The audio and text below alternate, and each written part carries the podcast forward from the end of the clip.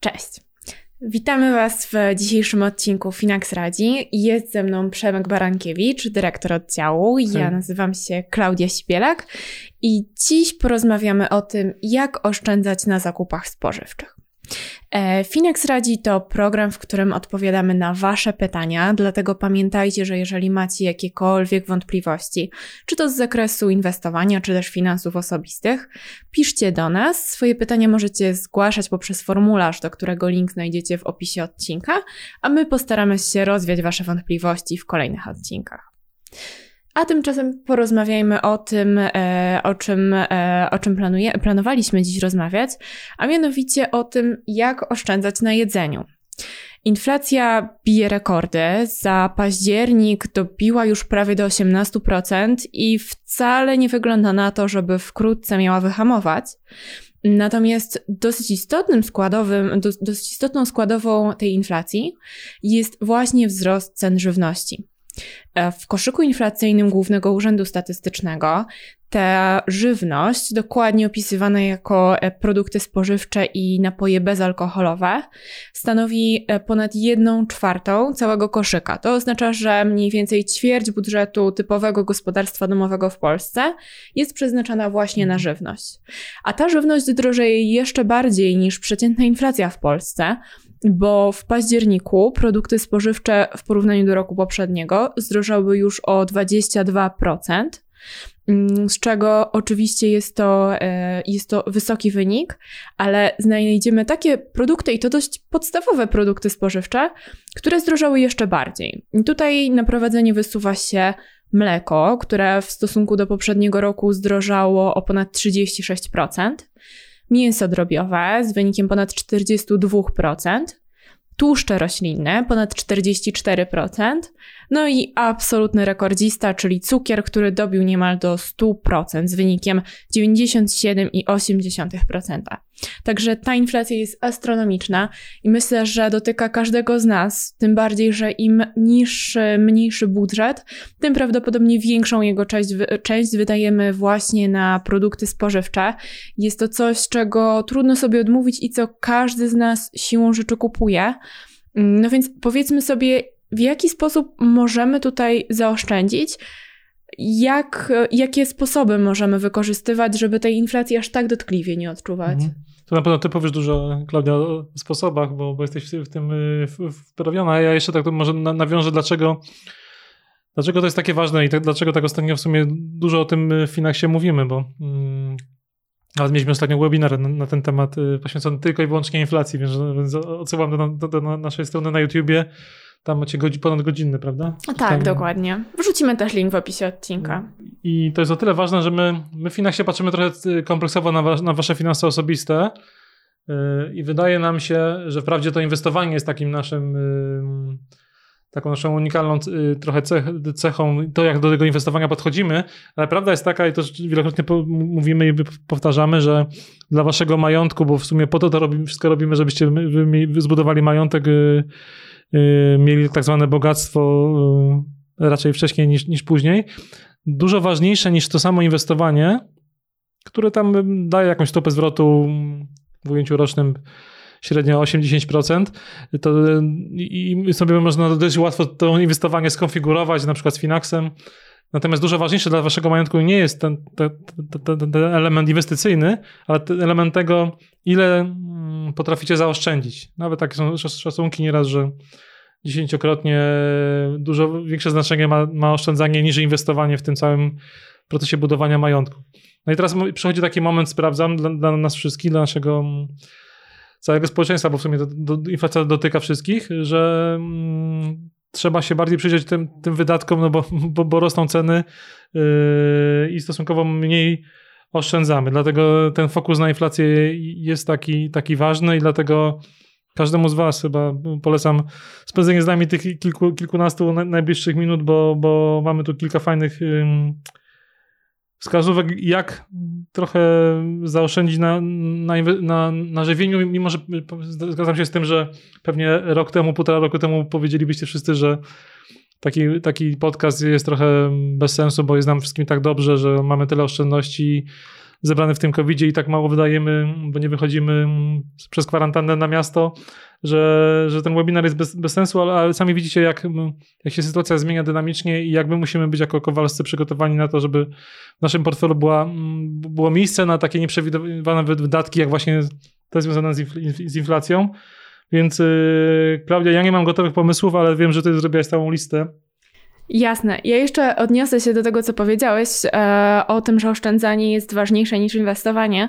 Ja myślę, że tu trudno jest to porównać o tyle, że bez oszczędzania nie będziemy mieli co inwestować. I to jest powód, który jeszcze, e, jeszcze przed takim znaczącym wzrostem inflacji bardzo często osoby, które nie inwestują, podawały jako przyczynę, dlaczego nie inwestują, czyli to, że właściwie nie mają mhm. czego inwestować. I tutaj bez względu na to, czy te czynniki makroekonomiczne są bardziej sprzyjające, czy nie, myślę, że warto warto po prostu wyrobić sobie dobre nawyki w tym zakresie, żeby móc po prostu inwestować jak najwięcej, musimy w pewnym sensie oszczędzać. No i wiadomo, że często mówi się, właściwie teraz pewnie już nieco mniej można o tym słyszeć, ale często mówiło się jeszcze w lepszych czasach o tym, że nie warto oszczędzać na jedzeniu. Ja myślę, że w zupełności zgodzę się z tym, że jeżeli możemy sobie na to pozwolić, nie ma co oszczędzać na jakości jedzenia, ale czasami warto po prostu zastanowić się, jak możemy oszczędzić, e, nie tracąc tej jakości, jeśli chodzi o żywienie. A to jest możliwe, o czym Wam za chwilę opowiem. Oczywiście, że to jest możliwe. Ja na początek może e, odniosę się do e, Tanych, Boston Consulting Group, które szacuje, że przeciętny Polak wyrzuca 247 kg jedzenia rocznie. I myślę, że to jest ten punkt, gdzie który bardzo dobrze pokazuje, że wcale nie trzeba oszczędzać na jakości jedzenia. Na początek warto przyjrzeć się temu, czy tego jedzenia po prostu nie marnujemy. Dlatego, że problem marno marnotrawienia jedzenia jest ogromny w skali całego świata, w szczególności w społeczeństwach rozwiniętych. I tutaj jest bardzo duże pole do tego, żebyśmy jako gospodarstwa domowe, jako, jako przeciętni ludzie mogli, e, mogli zaoszczędzić z korzyścią dla środowiska, z korzyścią dla naszych portfeli. E, przede wszystkim. Tutaj taki pierwszą wskazówkę może, o której możemy porozmawiać, to jest planowanie posiłków i robienie listy zakupów. To jest taka podstawa podstaw, z której niektórzy często się nawet e, śmieją, traktują ją po macoszemu i e, wydaje się, że to jest taka błaha rzecz, ale tak naprawdę bardzo często z tego, co wiem, wielu moich znajomych wchodzi do, wchodzi do sklepu i nie bardzo wie, co powinna kupić kupuje dużo produktów, których potem nie zawsze wykorzysta, więc te produkty giną gdzieś na końcu lodówki, tam już przymarznięte do ścianki i ostatecznie kończą w koszu po kilku miesiącach. Niestety nie zużyte. Gorzej jak ktoś jeszcze głodny pójdzie na, na zakupy. Nie? A to jest najgorsze, dokładnie. Jeżeli chodzimy głodni na zakupy, pewnie większość z Was już o tym wie, to kupujemy o wiele więcej, o wiele nie, bardziej niepotrzebnych produktów, na które potem nie mamy pomysłu. Dlatego tutaj zarówno oszczędność dla portfela, jak i ograniczenie tego marnowania żywienia zaczyna się od tego, żeby dobrze planować, co będziemy jedli i co potrzebujemy kupić. I tutaj mówiąc o planowaniu posiłków, ja wiem, że często takim kontrargumentem jest to, że nie wiemy, na co będziemy mieli ochotę, no bo tak mhm. naprawdę nie wiemy, często nie wiemy nawet ile zjemy, nie wiemy ile produktu zużyjemy, nie wiemy, e, czy będziemy mieli ochotę na, na dane danie. Natomiast myślę, że tu warto po prostu nie popadać w przesadę, bo mówiąc o planowaniu posiłków, oczywiście są osoby, które preferują taki sposób, że gotują według e, gotowych receptur, gotowych przepisów, gdzie mają wszystko odmierzone, planują po prostu co do grama. Pewnie, jeżeli u kogoś to działa, to myślę, że świetnie, ale u większości z nas nie oszukujmy się, nie. I myślę, że w takiej sytuacji warto planować sobie, zastanowić się właściwie może raz w tygodniu, jakie obiady będziemy w tym tygodniu jedli. Zostawić sobie jakąś przestrzeń na to, że może zostaną nam resztki, może wyjdziemy ze znajomymi i nie zjemy w domu, tylko pokusimy się o to zjedzenie na mieście, ale danie sobie pewnego luzu ale posiadanie, wyrobienie sobie takiej wizji. Jeżeli gotujemy wspólnie z członkami rodziny, to może warto zastanowić się wspólnie, na co mamy ochotę, żeby potem faktycznie wszyscy zjedli to, co będzie ugotowane, a nie żeby to gdzieś zostało w lodówce, każdy, każdy zje coś innego. Także myślę, że tutaj ważne jest takie połączenie mhm. tego, żeby o tym pomyśleć, z brakiem takiego nadmiernego, e, nadmiernych szczegółów, dlatego że wtedy po prostu się zniechęcimy i nie będziemy za tym podążać. Tym bardziej, że te polskie lodówki są dużo mniejsze niż te amerykańskie, które tam znane z, z filmów, dwudrzwiowe, prawda, to się otwiera i można wiele pomieścić. No, no dobra, Klaudia, zakładam, że mam taki plan. Yy, to gdzie mam z tym plan, gdzie mam iść na te zakupy? Gdzie iść na zakupy? To jest dobre pytanie, dlatego że e, to, który sklep jest najtańszy, właściwie się zmienia. Co jakiś czas media publikują takie rankingi z którego, e, z którego dyskontu warto korzystać, gdzie teraz jest najtaniej. I osobiście uważam, że warto się temu przyjrzeć, warto od czasu do czasu do tego zajrzeć, ale prawda jest taka, że każdy z tych sklepów będzie przyciągał nas do siebie kilkoma promocjami, podczas gdy pozostałe ceny będą musiały odrobić, e, odrobić to, co zaoszczędzimy na, na pozostałych produktach, właśnie tych, które są oferowane w promocji. Że tutaj Trochę możemy dostosować to do tego, jak dużo czasu możemy poświęcić na to, żeby, e, żeby opracować taki plan, jak zaoszczędzić najwięcej. Jeżeli możemy sobie na to pozwolić, to mm, markety najczęściej publikują e, gazetki promocyjne. Raz czy dwa razy w tygodniu. Warto sobie przejrzeć taką gazetkę, nawet jeszcze przed tym, jak będziemy planować, planować posiłki i potraktować ją jako inspirację, bo tutaj po pierwsze warto wziąć pod uwagę właśnie to, co możemy w danym tygodniu kupić taniej i właśnie do tego sklepu iść, który te tańsze produkty oferuje, ale często to pomaga też trochę w innej sprawie, czyli Mm, nie zawsze myślimy o tym, co e, aktualnie jest produktem sezonowym. I zaglądając do takiej gazetki, często możemy przypomnieć sobie, że no cóż, teraz właśnie dany produkt jest w sezonie, na przykład jesienią była to cukinia. Ona jest po prostu jesienią tańsza niż e, przez całą resztę roku. Możemy zrobić wtedy leczo, możemy zrobić inne potrawy z cukinii. E, I fajnie jest się tym inspirować. Po pierwsze, to jest świetne dla naszego budżetu. Po drugie, często możemy nie mieć do końca pomysłu, co ugotować, bo to już wszystko było mhm. i nie wiemy, na co mamy ochotę. Ale to jest też bardzo zdrowe jedzenie produktów sezonowych. Już nie mówię o tym, że jest to lepsze dla środowiska, ale jest też bardzo zdrowe przede wszystkim. Ale myślisz, że bo, bo mamy też taką naturalną tendencję, że ja często po takiej lekturze takiej gazetki zabieram się i jadę gdzieś tam parę naście, nawet nieraz kilometrów, bo tam jest promocja i sobie potem zdaję sprawę, że być może te koszty paliwa, które spaliłem, trochę z nawiązką te oszczędności moje e, niestety pochłaniają. E, I jest taka naturalna jednak tendencja, żeby gdzieś pójść za rogiem do, do tak zwanej popularnej żabki czy, czy Carrefour Express i potem się, ja, ja ostatnio sprawdzałem, nie wiem, czy ty, ty masz takie, takie, takie, takie, takie, taką opinię, bo też wiem, że weryfikowałeś te, te ceny, ale te ceny w tych sklepach y, osiedlowych chyba są dużo wyższe, nie? Jasne, oczywiście, że dużo wyższe. Tutaj płacimy za to, że mamy ten produkt w zasięgu ręki, że nie musimy wcześniej planować, zastanawiać się, transportować tych produktów do domu. E, jeśli wspomniałeś o tym jeżdżeniu kilka, kilkanaście kilometrów do jakiegoś sklepu, w którym akurat jest promocja, Myślę, że wszystko świetnie, dopóki jeździmy tam rowerem. Jeżeli wchodzi w to e, transport samochodem, to już faktycznie sytuacja się zmienia i najczęściej wcale na tym nie zaoszczędzimy, a jeszcze stracimy sporo czasu. No dobra, to w tym momencie muszę odesłać do naszego kolejnego na pewno podcastu, który będzie na temat tego, jak oszczędzać na, na, na, na, transporcie generalnie, więc fajnie, że to nawiązaliśmy do tego. Ja też czytałem, że gdzieś właśnie w tych sklepach osiedlowych, na przykład Żabka bazuje na tym, że tam się jednak dokonuje zakupów takich spontanicznych bardziej, czyli trochę niepotrzebnych tak do końca. I oni, yy, nawiązując do tego, co mówiłeś wcześniej, żeby jednak planować, to żabka jest chyba taką takim beneficjentem tego, że raczej nie planujemy, tylko, tylko spontanicznie coś, coś kupujemy. Dokładnie. Żabka swoją drogą ostatnio zasłonęła wprowadzeniem abonamentu na kawę. I to z jednej strony, jeżeli mielibyście kupować kawę na miejsce, to faktycznie może być całkiem niezła oszczędność. Tam cena e, przy zakupie codziennym kawy wydaje mi się, że wynosi niewiele ponad złotówkę e, za sztukę. I na tym etapie to brzmi kusząco, tylko warto się czasami zastanowić, jaki zysk ma w tym, e, ma w tym taka żabka.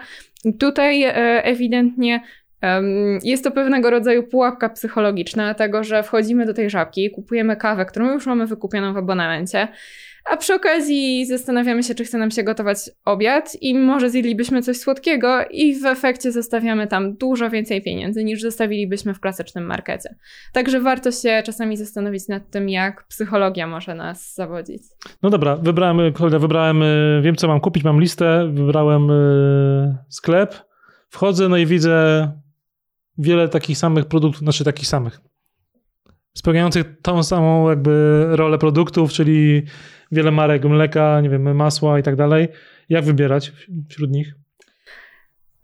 Umiejętnością, która na pewno może się przydać, ale pewnie trochę czasu zajmuje, zanim, e, zanim ją posiądziemy, to e, nauczenie się czytania składów produktów. To jest niesamowita umiejętność, dlatego że wtedy jesteśmy faktycznie w stanie odróżnić, czy warto za dany produkt zapłacić więcej, a zapewniam, że bardzo często może okazać się, że ten tańszy produkt ma w rzeczywistości mm. lepszy skład.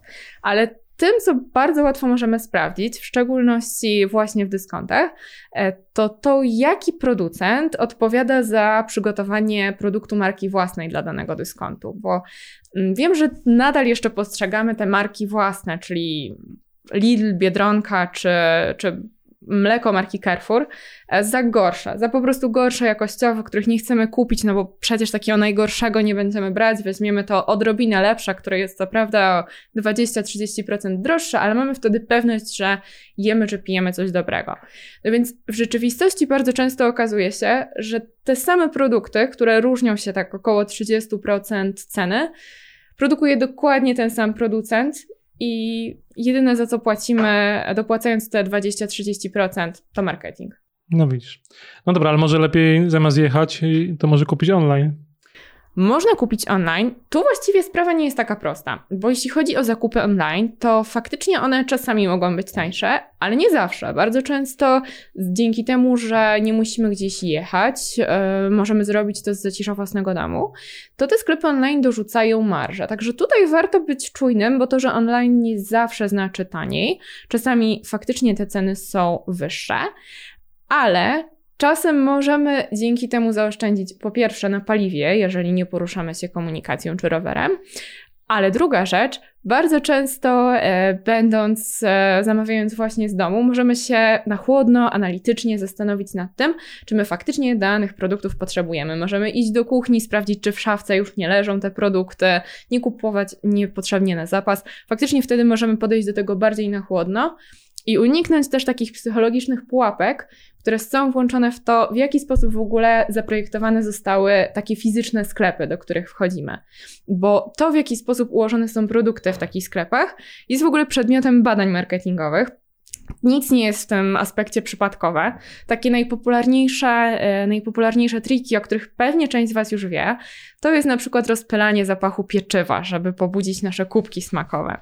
To jest absolutny klasyk, bardzo często nawet przechodząc na pasażu w centrum handlowym, może pachnieć jakąś drożdżówką czy jakimś gofrem obok piekarni, żebyśmy wstąpili i, i kupili coś dobrego.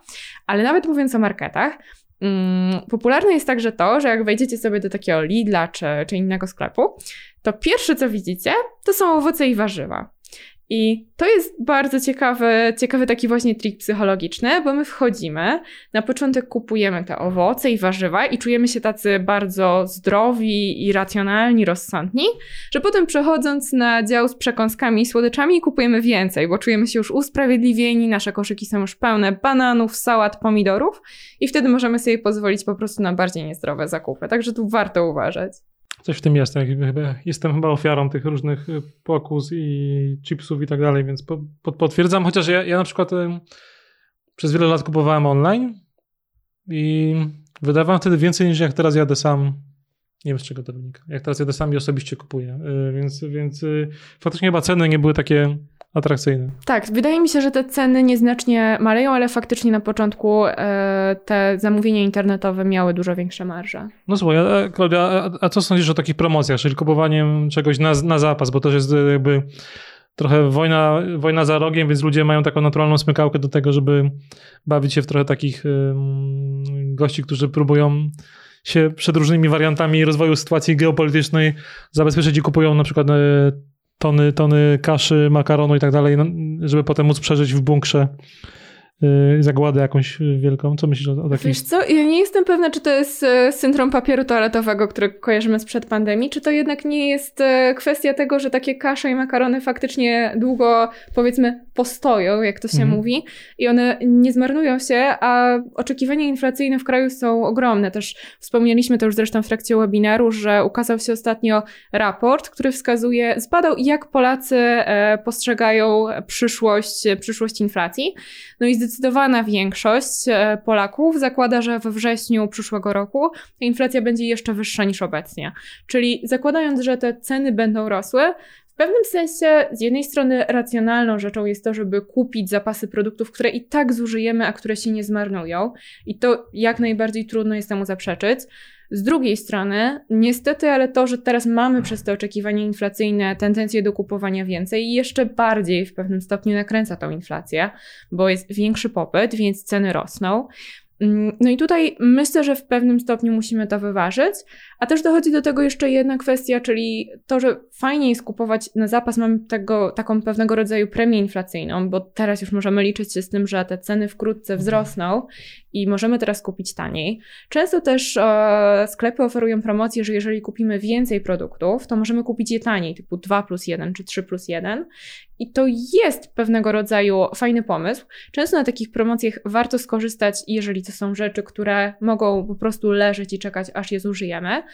Ale czasami warto się zastanowić, czy zdążymy je zużyć, bo ludzie mają też tendencję do tego, żeby kupować takich produktów za dużo, w szczególności tych, które mogą się szybko zużyć, czyli owoców, warzyw, nabiału. Te rzeczy albo się zepsują, albo minie ich data ważności, no i niestety w ten, w, ten, w ten sposób zamiast zaoszczędzić te 20% tracimy wszystko, bo wyrzucamy do kosza to, co, co moglibyśmy zachować w portfelu. No to może lepiej jeść na mieście. No, chociaż chyba też restauracje odczuwają. Czy my bardziej jako klienci restauracji i barów odczuwamy też tą inflację, więc y, masz tu jakieś wskazówki? Restauracje niestety też są jako kategoria w koszyku GUS-u na trzecim miejscu wśród tych, które drożeją najbardziej. I tu faktycznie możemy to odczuwać. Także myślę, że raczej nie, trakt- nie, nie powinniśmy traktować tego w kontekście racjonalnego oszczędzania, a pewnie jakiejś przyjemności, którą teraz jeszcze bardziej będziemy sobie dawkować. Natomiast jeżeli już jemy na mieście, na przykład wychodząc z pracy, bo nie mieliśmy czasu gotować, e, to tutaj myślę, że taką, takim patentem, o którym e, wielu, wiele osób nie wie, to bary mleczne. My nawet mamy ten, e, sposobność. Polny. Dokładnie. Polny, uwielbiany przez nas bar mleczny naprzeciwko biura. I tam te ceny są naprawdę niskie. E, jedząc posiłek bezmięsny, ja myślę, że za 12 zł jesteśmy w stanie naprawdę sobie pojeść świetna jakość. Ale i tak, ale, ale, ale rosną jednak, to trzeba zauważyć, że rosną. i tak rosną. Jak wszystko.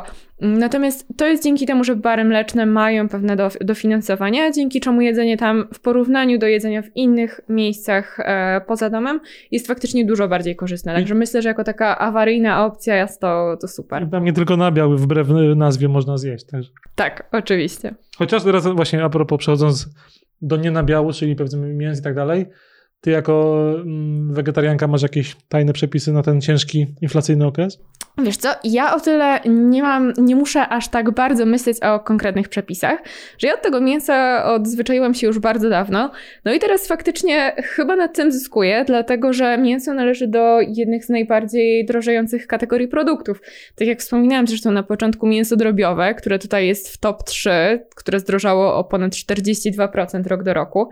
Mm, także ja tutaj przede wszystkim zachęcam e, do po pierwsze eksplorowania kuchni bezmięsnej, ale też jeżeli nie do końca aż tak lubimy gotować i tam sobie wyczytywać przepisy, to można w niektórych przepisach po prostu zastąpić takiego kurczaka tofu, które na promocji kosztuje 3 zł za kostkę, czy tradycyjnymi polskimi strączkami. Ciecierzyca, soczewica, groch.